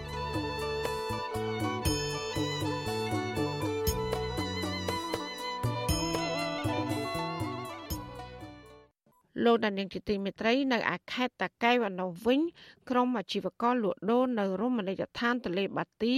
បារម្ភពីការបណ្ដឹងចេញក្រោយពីដែលលោកនាយករដ្ឋមន្ត្រីហ៊ុនសែនបានចេញអនុក្រឹត្យកាត់ជ្រៀលដីជាង200ហិកតាផ្ដល់ឲ្យបុគ្គលឯកជន។ ប្រជាពលរដ្ឋនិងអ្នកលក់ដូរនៅតំបន់ទលេបាទីទាមទារដល់ប្រមុខរដ្ឋាភិបាលឲ្យលុបចោលអនុក្រឹត្យនេះ ដើម្បីធានាការពារពីផលប៉ះពាល់បរិស្ថាន និងប៉ះពាល់ដល់វិស័យទេសចរណ៍ ប្រជាប្រដ្ឋនិងក្រុមអាជីវករបម្រើផ្នែកសេវាកម្មភ្ញៀវទេសចរនៅតំបន់រមណីយដ្ឋានទលេបាទីខកចិត្តចំពោះលោកហ៊ុនសែនដែលកាត់ជ្រៀតដីប្រមាណជាង200ហិកតាទៅឲ្យឯកជន ដែលធ្វើឲ្យពួកគាត់ប្រឈមការបាត់បង់ប្រាក់ចំណូល និងបណ្ដឹងចេញពីការប្រកបរបរអាជីវកម្មនៅតំបន់វប្បធម៌ប្រវត្តិសាស្ត្រ លើពីនេះក្រុមអាជីវករថាការធ្វើអនុប្រយោគផ្ទៃទន្លេបាទី ជាង200ហិកតាឲ្យបុគ្គលឯកជននេះគឺអាជ្ញាធរមូលដ្ឋាន បានធ្វើសំណើស្ងាត់ស្ងាត់ទៅរដ្ឋាភិបាល ដោយមិនអនុញ្ញាតឲ្យប្រជាពលរដ្ឋបានដឹង ក្នុងការចូលរួមបញ្ចេញយោបល់នៃផលប៉ះពាល់បរិស្ថាន និងតំបន់ផ្ទៃបឹងទន្លេបាទីនោះឡើយ អាជីវករលក់ដូរម្នាក់នៅតំបន់ទន្លេបាទីលោកត្រីសុងសភារៀបរាប់ប្រាប់បច្ចុប្បន្នស៊ីស្រី នៅថ្ងៃទី25ខែមិថុនាថាកន្លងទៅអាជ្ញាធរតែងប្រាប់ប្រជាពលរដ្ឋថាតំបន់ទន្លេបាទីនឹងត្រូវស្ដារជំរៅផ្ទៃទឹកទន្លេ ដើម្បីពង្រីកសក្តានុពលទេសចរទោះយ៉ាងណាលោកស្រីថារយៈពេលប្រមាណឆ្នាំកន្លងមកនេះអាជ្ញាធរមិនបានស្ដារទឹកទន្លេនោះឡើយ។ ក្រៅពីនេះលោកស្រីថាផ្ទៃទឹកទន្លេបែរជាល្អក់កកកាន់តែខ្លាំងដោយសារតែមានបុគ្គលមានលុយមានអំណាចមួយចំនួនឆ្លៀតឱកាសចាក់បំពេញចូលផ្ទៃទឹកទន្លេធ្វើជាកម្មសិទ្ធិផ្ទាល់ខ្លួនបន្ថែមពីនេះលោកស្រីលើកឡើងថាក្រោយពីរដ្ឋាភិបាល បានសម្រេចកាត់ជ្រៀតដីទៅឯកជន គ្រប់គ្រងជាង200ហិកតាបន្ថែមទៀតនេះអាជីវករជាច្រើនមិនសប្បាយចិត្ត និងសម្ដែងក្តីព្រួយបារម្ភពីការបាត់បង់ប្រាក់ចំណូលនៅតំបន់ទន្លេបាទីលោកស្រីទទូចដល់រដ្ឋាភិបាលគួរតែមានការអភិរក្សនៅតំបន់ទន្លេបាទីនេះមិនគួរផ្ដល់សិទ្ធិឲ្យឯកជនគ្រប់គ្រង ដែលប្រឈមនឹងការចាក់ដីលុបទន្លេធ្វើឲ្យបាត់បង់អត្តសញ្ញាណនិងប៉ះពាល់ដល់ជីវភាពរស់នៅរបស់ប្រជាពលរដ្ឋបែបនេះឡើយ។ អនាគតនឹងលុបទលេហ្នឹងគឺពួកខ្ញុំគឺដាច់ពោះហ្មងទី1ធ្វើឲ្យទឹករីងទី2គឺត្រីពួកខ្ញុំរស់ដោយសារនឹងទាំងអស់បើសិនជាលុបអីពួកខ្ញុំនៅចប់ហើយពួកអីប្រជាជនពួកខ្ញុំហ្នឹងរស់ដោយសារទលេហ្នឹងទាំងអស់គ្នាលក់មហូបលក់អីគ្រប់សពគ្រប់យ៉ាងពួកពួកខ្ញុំនៅចែកគ្នារស់ដែរបង ចំណែកឯបរដ្ឋម្នាក់ទៀតរស់នៅក្បែរទន្លេបាទីលោកឈុនវត្ថាលើកឡើងថាលោកមិនចង់ឃើញការអភិវឌ្ឍដែលធ្វើឲ្យបាត់បង់ធនធានធម្មជាតិហើយអ្នកដែលទទួលបានផលប្រយោជន៍នោះគឺមានតែបុគ្គលមានលុយមានអំណាចនោះឡើយលោកបារម្ភថាបើមានការចាក់លុបទលេបាទី ក្រោមស្លាកអភិវឌ្ឍរមណីយដ្ឋានទលេបាទីនេះ គឺនឹងបាត់បង់អត្តសញ្ញាណវប្បធម៌ប្រវត្តិសាស្ត្រហើយប្រជាប្រដ្ឋរាប់រយគ្រួសារនឹងកាន់តែមានជីវភាពក្រីក្រដោយសារតែគ្មានកន្លែងប្រកបរបរអាជីវកម្មរកប្រាក់ចំណូលបានតទៅទៀត ធម្មតាតែងតែស្ដាយតែងតែបារម្ភប៉ះពាល់រឿងជាពិសេសរឿងប្រាសាទហើយនឹងទន្លេបាទីមួយជាគេម្លែមួយខ្មែរមកតាំងពីដើមហើយគឺវាតែងតែមានមានការសោកស្ដាយហើយក៏មានអារម្មណ៍ថាពិបាកនឹងនិយាយដែរព្រោះអីច្បាប់វាចេញមកគឺលក្ខណៈថាមិនដឹងថាចំណោមអ្នកលក់ដូរទាំងអស់គាត់បានដឹងឬក៏អត់ហ្នឹងព្រោះអីច្បាប់អស់ហ្នឹងគឺលក្ខណៈថាដូចទឹមថ្មីថ្មីដែរអញ្ចឹងណាបង វត្ថុអសីស្រីមិនអាចតកតងแนะនាំពាក្យក្រសួងរៀបចំដែនដីនគររូបនីយកម្មនិងសំណង់លោកសេងលូតនិងแนะនាំពាក្យក្រសួងបរិស្ថាន លោកណេតភក្ត្រាដើម្បីសុំអធិប្បាយជុំវិញរឿងនេះបាននៅឡើយទេនៅថ្ងៃទី25ខែមិថុនាចំណែកអភិបាលខេត្តតាកែវលោកអ៊ុចភានិងអភិបាលខេត្តកណ្ដាលលោកគង់សុភ័ណ្ឌក៏វិជ្ជាអសីស្រីនៅមិនទាន់អាចតតងបានដែរនៅថ្ងៃដដែលនេះ។ កាលពីថ្ងៃទី2ខែមីនាកន្លងទៅនេះលោកហ៊ុនសែនបានសម្រេចកាត់ជ្រៀតដីតំបន់ប្រវត្តិសាស្ត្រទន្លេបាទី ជាង200ហិកតាប្រគល់ឲ្យបុគ្គលឯកជនម្នាក់ឈ្មោះស្រុនបន្លាបដើម្បីអភិវឌ្ឍ ផ្ទៃបឹងទន្លេបាទីជាង200ហិកតាដែលលោកហ៊ុនសែនធ្វើអនុប្រយោគផ្ដល់ឲ្យបុគ្គលឈ្មោះស្រុនបន្លាបនេះគឺមួយផ្នែកស្ថិតនៅឃុំទ្រាស្រុកកណ្ដាលស្ទឹងខេត្តកណ្ដាលដែលមានទំហំជាង100ហិកតាហើយមួយផ្នែកទៀតស្ថិតនៅឃុំក្រាំងធ្នងស្រុកបាទីខេត្តតាកែវដែលមានទំហំជាង100ហិកតាអ្នកស្រុកបាទីឲ្យដឹងថាបុគ្គលស្រុនបន្លាបនេះពួកគាត់ធ្លាប់តែលើឈ្មោះតែប៉ុណ្ណោះ ហើយប្រជាប្រដ្ឋសង្ស័យថាការចាក់ដីបំពេញចូលផ្ទៃទឹកទន្លេបាទី ពីសំណាក់អ្នកមានអំណាចកន្លងមកនេះគឺអាចមានជាប់ពាក់ព័ន្ធនឹងបុគ្គលរូបនេះនៅពីក្រោយខ្នងជុំវិញរឿងនេះអ្នកនាំពាក្យសមាគមការពារសិទ្ធិមនុស្សអាត់ហុកលោកសង្សានករណាលើកឡើងថាការអភិវឌ្ឍគឺជារឿងប្រសើរក៏ប៉ុន្តែរដ្ឋាភិបាលក៏មិនគួរមើលរំលង ពីផលប៉ះពាល់សង្គមនោះដែរលោកបន្តថាដីនៅតំបន់ទន្លេបាទី ដែលរដ្ឋាភិបាលបកគលសិទ្ធិជាង200ហិកតាទៅឲ្យបុគ្គលឯកជនគ្រប់គ្រងនេះនឹងមានការប្រែប្រួលនៅរយៈពេលខ្លីខាងមុខ ទោះយ៉ាងណាលោកទទូចដល់រដ្ឋាភិបាល និងអាជ្ញាធរមូលដ្ឋាន ត្រូវតែមានការកិត្តគូតំបន់អភិរក្សនិងជីវភាពប្រជាប្រដ្ឋជាចម្បងព្រមទាំងអនុញ្ញាតឲ្យពួកគាត់ចូលរួមវិតម្លៃផលប៉ះពាល់ដើម្បីធានាតម្លាភាពនិងកណន័យភាព។ យើងក៏មិនចង់ឃើញដែរអំពីបញ្ហាដែលអភិវឌ្ឍដោយមិនគោរពតាមការលើកឡើងឬក៏ក្តីកង្វល់របស់ប្រជាពលរដ្ឋក៏ដូចជាអង្គការសង្គមស៊ីវិលយើងដែលធ្វើកិច្ចការងារទៅលើបញ្ហាដីធ្លីបញ្ហាបរិស្ថានឬក៏បញ្ហាសិទ្ធិមនុស្សផ្សេងទៀតហ្នឹងគឺយើងមិនចង់ឃើញបើសិនជាអាចធ្វើទៅបាននោះយើងទទូចស្នើសុំឲ្យមានការទុកតំបន់ដែលជាប្រវត្តិសាស្ត្រកន្លែងដែលកំសាន្តជាប្រវត្តិសាស្ត្រទៅហើយជាវប្បធម៌ទៅហើយចឹងយើងមានការព្រួយបារម្ភអាចនឹងមានបញ្ហាកើតឡើងផ្សេងផ្សេងនៅក្នុងតំបន់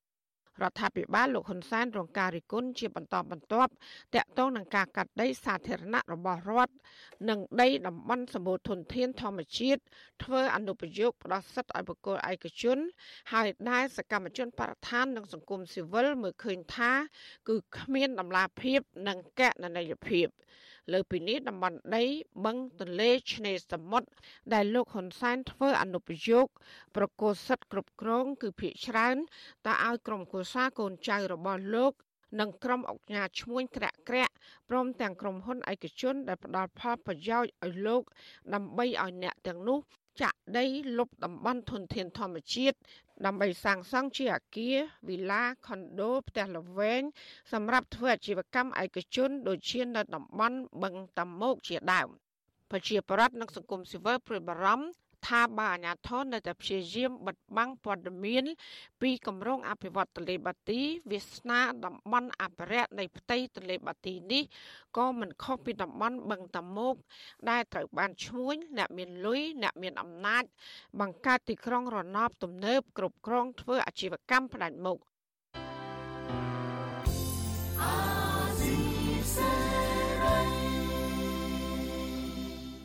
ចាលោកដានៀងកញ្ញាកំពុងស្ដាប់ការផ្សាយរបស់វិទ្យុអសីស្រីផ្សាយចេញពីរដ្ឋធានី Washington រឿងរ៉ាវដែលកម្ពុជាអនុញ្ញាតឲ្យចិនអភិវឌ្ឍកំពង់ផែកងទ័ពជើងទឹករៀមបច្ចុប្បន្ននេះកំពុងក្លាយជាបញ្ហាចម្រូងចម្រាសកាន់តែខ្លាំងនិងគួរឲ្យព្រួយបារម្ភនៅក្នុងតំបន់ស្របពេលដែលសហរដ្ឋអាមេរិកនិងសម្ព័ន្ធមិត្តរបស់ខ្លួនបន្តលើកឡើងពីក្តីកង្វល់ទាំងនេះ។ តើកម្ពុជាគួរដោះស្រាយយ៉ាងណាដើម្បីកុំឲ្យរឿងរ៉ាវនេះក្លាយជាទំនាស់ភូមិសាស្ត្រនយោបាយរ៉ាំរ៉ៃទៅថ្ងៃអនាគតជាប្រធានាធិបតី Washington លោកមានរិទ្ធមានសេចក្តីរាយការណ៍ពិស្ដារជំវិញបញ្ហានេះដូចតទៅការដែលកម្ពុជាអនុញ្ញាតឲ្យប្រទេសកុម្មុយនីសចិនអភិវឌ្ឍកំពង់ផែកងទ័ពជើងទឹករៀមហើយរងនឹងការចោទប្រកាន់ថាលួចឲ្យចិនប្រើប្រាស់ផ្ដាច់មុខឬដាក់មូលដ្ឋានទ័ពនៅទីនោះ។ ទំនងជាមិនងាយនឹងសាបរលាបឬបិទបញ្ចប់ទៅឡើយបើទោះបីជាទាំងភៀកគីកម្ពុជានិងចិនបានបដិសេធរឿងនេះជាហោហែរួចមកហើយក៏ដោយក៏ការបដិសេធទាំងនេះនៅតែមិនអាចធ្វើឲ្យសហរដ្ឋអាមេរិកនិងសម្ព័ន្ធមិត្តរបស់ខ្លួនជ្រះស្រឡះចិត្តបាននៅឡើយទេបញ្ហានេះរឹតតែកើនកម្ដៅខ្លាំងនឹងត្រូវបានសារព័ត៌មានល្បីៗនៅលើពិភពលោកយកមកចុះផ្សាយប្រងព្រាតជាពិសេសនៅពេលដែលកម្ពុជានិងចិនបានបើកការដ្ឋានជាផ្លូវការ អភិវឌ្ឍគម្រោងធ្វើទំនើបកម្មកំពង់ផែកងទ័ពជើងទឹករៀមនេះកាលពីថ្ងៃទី8ខែមិថុនាអ្នកនាំពាក្យស្ថានទូតសហរដ្ឋអាមេរិកប្រចាំកម្ពុជាលោក Chad Rodemeyer ប្រវិសុយស៊ីស្រីតាមសារអេឡិចត្រូនិកថាសហរដ្ឋអាមេរិកនិងប្រទេសនានានៅក្នុងតំបន់បានលើកឡើងពីកង្វល់របស់ខ្លួន អំពីកង្វះដំណាភាពជុំវិញចេតនាពិតប្រាកដលក្ខណៈនិងវិសាលភាពនៃការអភិវឌ្ឍគម្រោងនេះ លោកថាប្រជាជនកម្ពុជាប្រទេសជិតខាងអាស៊ាន និងតំបន់ទាំងមូលនឹងទទួលបានផលប្រយោជន៍ប្រសិនបើកម្ពុជានិងចិន បង្ហាញដំណាភាពជុំវិញរឿងនេះឲ្យបានកាន់តែច្រើនជាងមុននោះអ្នកនាំពាក្យស្ថានទូតសហរដ្ឋអាមេរិករូបនេះក៏បានកត់សម្គាល់ដែរថាវត្តមានកងទ័ពសាធារណរដ្ឋប្រជាមានិតចិនផ្ដាច់មុខនៅកំពង់ផែកងទ័ពជើងទឹករៀមនឹងក្លាយជាការគំរាមកំហែង ដល់ស្វ័យភាពរបស់កម្ពុជាព្រមទាំងប៉ះពាល់ដល់សន្តិសុខនៅក្នុងតំបន់សហរដ្ឋអាមេរិកតែងលើកឡើងពីកង្វល់ទាំងនេះជាមួយកម្ពុជាជាទៀងទាត់នៅរៀងរាល់ពេលដែលមានជំនួបសំខាន់សំខាន់ជាមួយថ្នាក់ដឹកនាំកម្ពុជា ជាក់ស្ដែងដូចជាជំនួបរវាងរដ្ឋមន្ត្រីការបរទេសអាមេរិកលោក Anthony Blinken និងរដ្ឋមន្ត្រីការបរទេសកម្ពុជា លោកប្រាក់សុខុននៅឯកិច្ចប្រជុំកំពូលពិសេសអាស៊ានអាមេរិកនៅរដ្ឋធានី Washington កាលពីពាក់កណ្ដាលខែឧសភានិងនៅក្នុងដំណើរទស្សនកិច្ចរបស់អនុរដ្ឋមន្ត្រីការបរទេសអាមេរិកអ្នកស្រី Wendy Sherman មកកាន់កម្ពុជាកាលពីខែមិថុនាឆ្នាំកន្លងទៅថ្មីថ្មីនេះទៀតសោត នាយករដ្ឋមន្ត្រីថ្មីនៃប្រទេសអូស្ត្រាលី គឺលោក Anthony Albanese ក៏បានលើកឡើងជាសាធារណៈអំពីកង្វល់របស់អូស្ត្រាលីជុំវិញរឿងរ៉ាវនៃការសង្ស័យអំពីការដាក់មូលដ្ឋានទ័ពចិន នៅឯកំពង់ផែកងទ័ពជើងទឹករៀមនេះដែរលោកក៏បានអំពាវនាវឲ្យប្រទេសចិន បង្ហាញដំណាភាពជុំវិញរឿងនេះសហស្ថាបនិកវិទ្យាស្ថានប្រជាធិបតេយ្យកម្ពុជា និងជាអ្នកជំនាញភូមិសាស្ត្រនយោបាយបណ្ឌិតរវណ្ណៈ លើកឡើងថាដំណោះស្រាយដ៏ឆ្លាតវៃមួយដែលកម្ពុជាគួរធ្វើក្រៅតែពីការបង្ហាញដំណាភាពគឺកម្ពុជាគួរតែអនុញ្ញាតឲ្យប្រទេសមហាអំណាចទាំងអស់ចូលមកអភិវឌ្ឍកំពង់ផែកងទ័ពជើងទឹករៀមប្រកបដោយដំណាភាពដោយមិនត្រូវឲ្យប្រទេសកុម្មុយនីសចិនអភិវឌ្ឍកំពង់ផែនេះតែឯងនោះទេ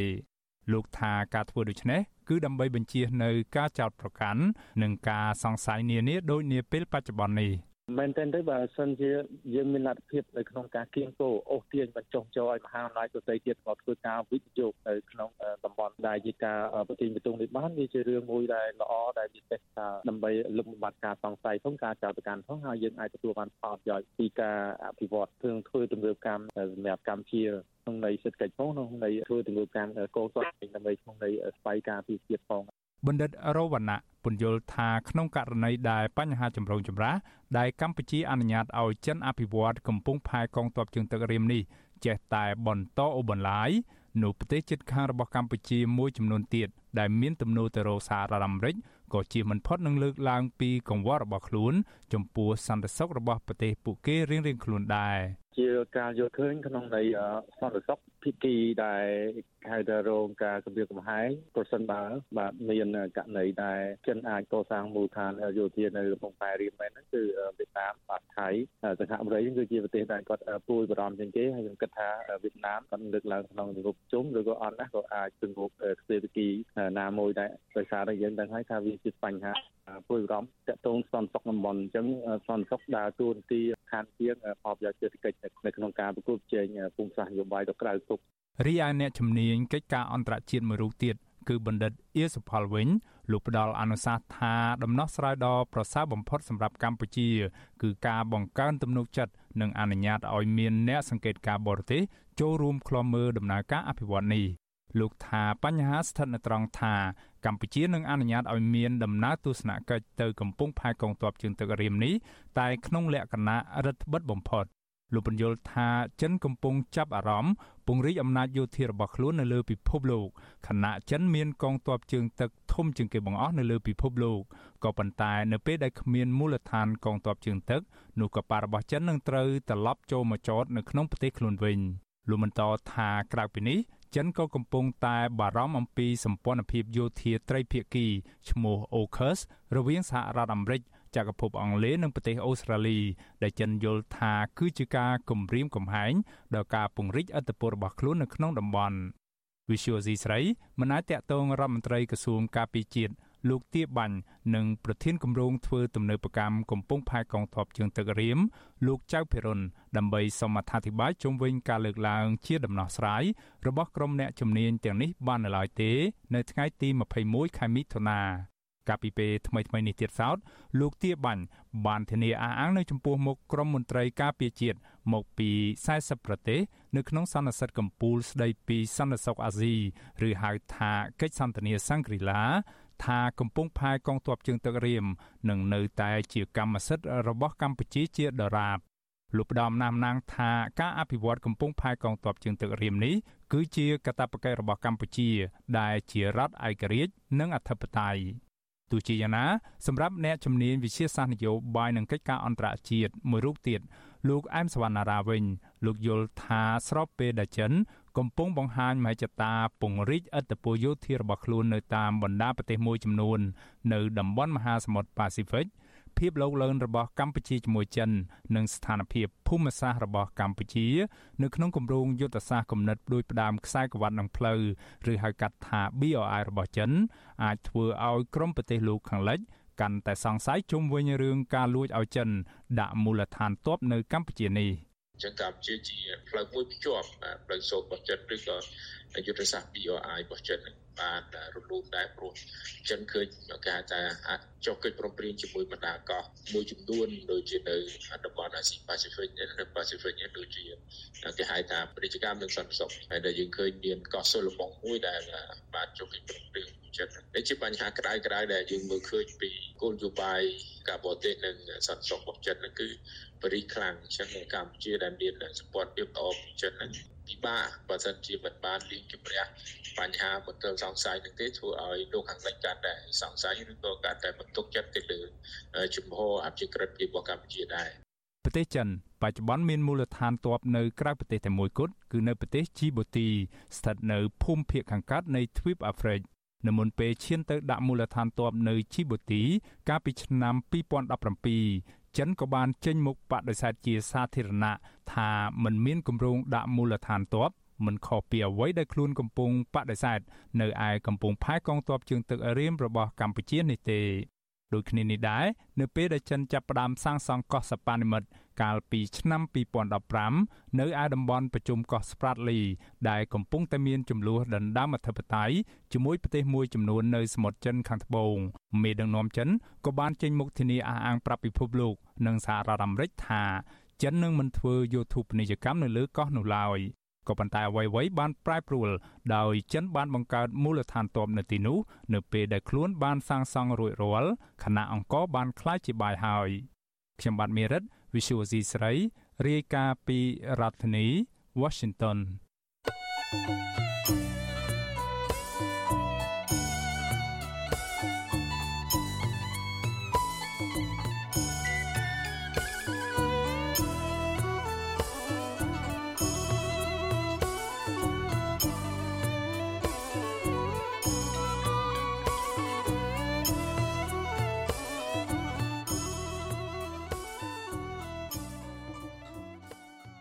ចាលោកលានាងកញ្ញាអ្នកស្ដាប់ជាទីមេត្រីការផ្សាយរយៈពេល1ម៉ោងរបស់វិទ្យុអាស៊ីស្រីជាភាសាខ្មែរនៅពេលនេះចាប់តែប៉ុណ្ណេះចាយើងខ្ញុំទាំងអស់គ្នាសូមជូនពរលោកលានាងនិងក្រុមគ្រួសារទាំងអស់សូមជួបប្រកបតែនឹងសេចក្តីសុខសេចក្តីចម្រើន ជានិរន្តរ៍ចានាងខ្ញុំម៉ៃសុធានីព្រមទាំងក្រុមការងារទាំងអស់របស់អាស៊ីស្រីសូមអរគុណនិងសូមជម្រាបលា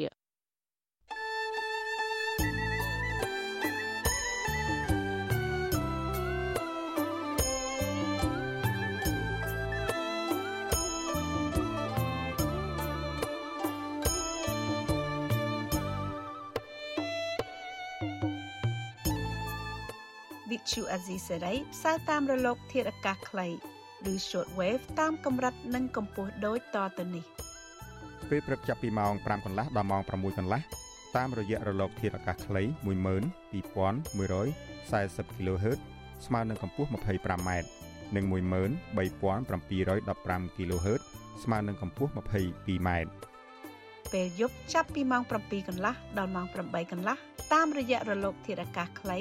9960 kHz ស្មើនឹងកម្ពស់ 30m 12140 kHz ស្មើនឹងកម្ពស់ 25m និង11885 kHz ស្មើនឹងកម្ពស់ 25m លោកអ្នកនាងអាចស្ដាប់ការផ្សាយផ្ទាល់តាមប្រព័ន្ធអ៊ីនធឺណិតដោយចូលទៅកាន់គេហទំព័រ www.rfa.org/ ខ្មែរក្រៅពីនេះលោកអ្នកនាងក៏អាចអាននិងទស្សនាព័ត៌មាន Visual Asia លើទូរស័ព្ទដៃរបស់លោកអ្នកផ្ទាល់សូមលោកអ្នកនាងចូលទៅកាន់បណ្ដាញសង្គម Facebook ដែលមានអាសយដ្ឋាន www.facebook.com/rfa cambodia និង YouTube www.youtube.com/rfa khmer video សូមលោកអ្នកនាងចុច like និងចុច Subscribe ដើម្បីទទួលបានព័ត៌មានថ្មីៗទាន់ហេតុការណ៍និងទស្សនាវីដេអូផ្សេងៗទៀត បានគ្រប់ពេលវេលា។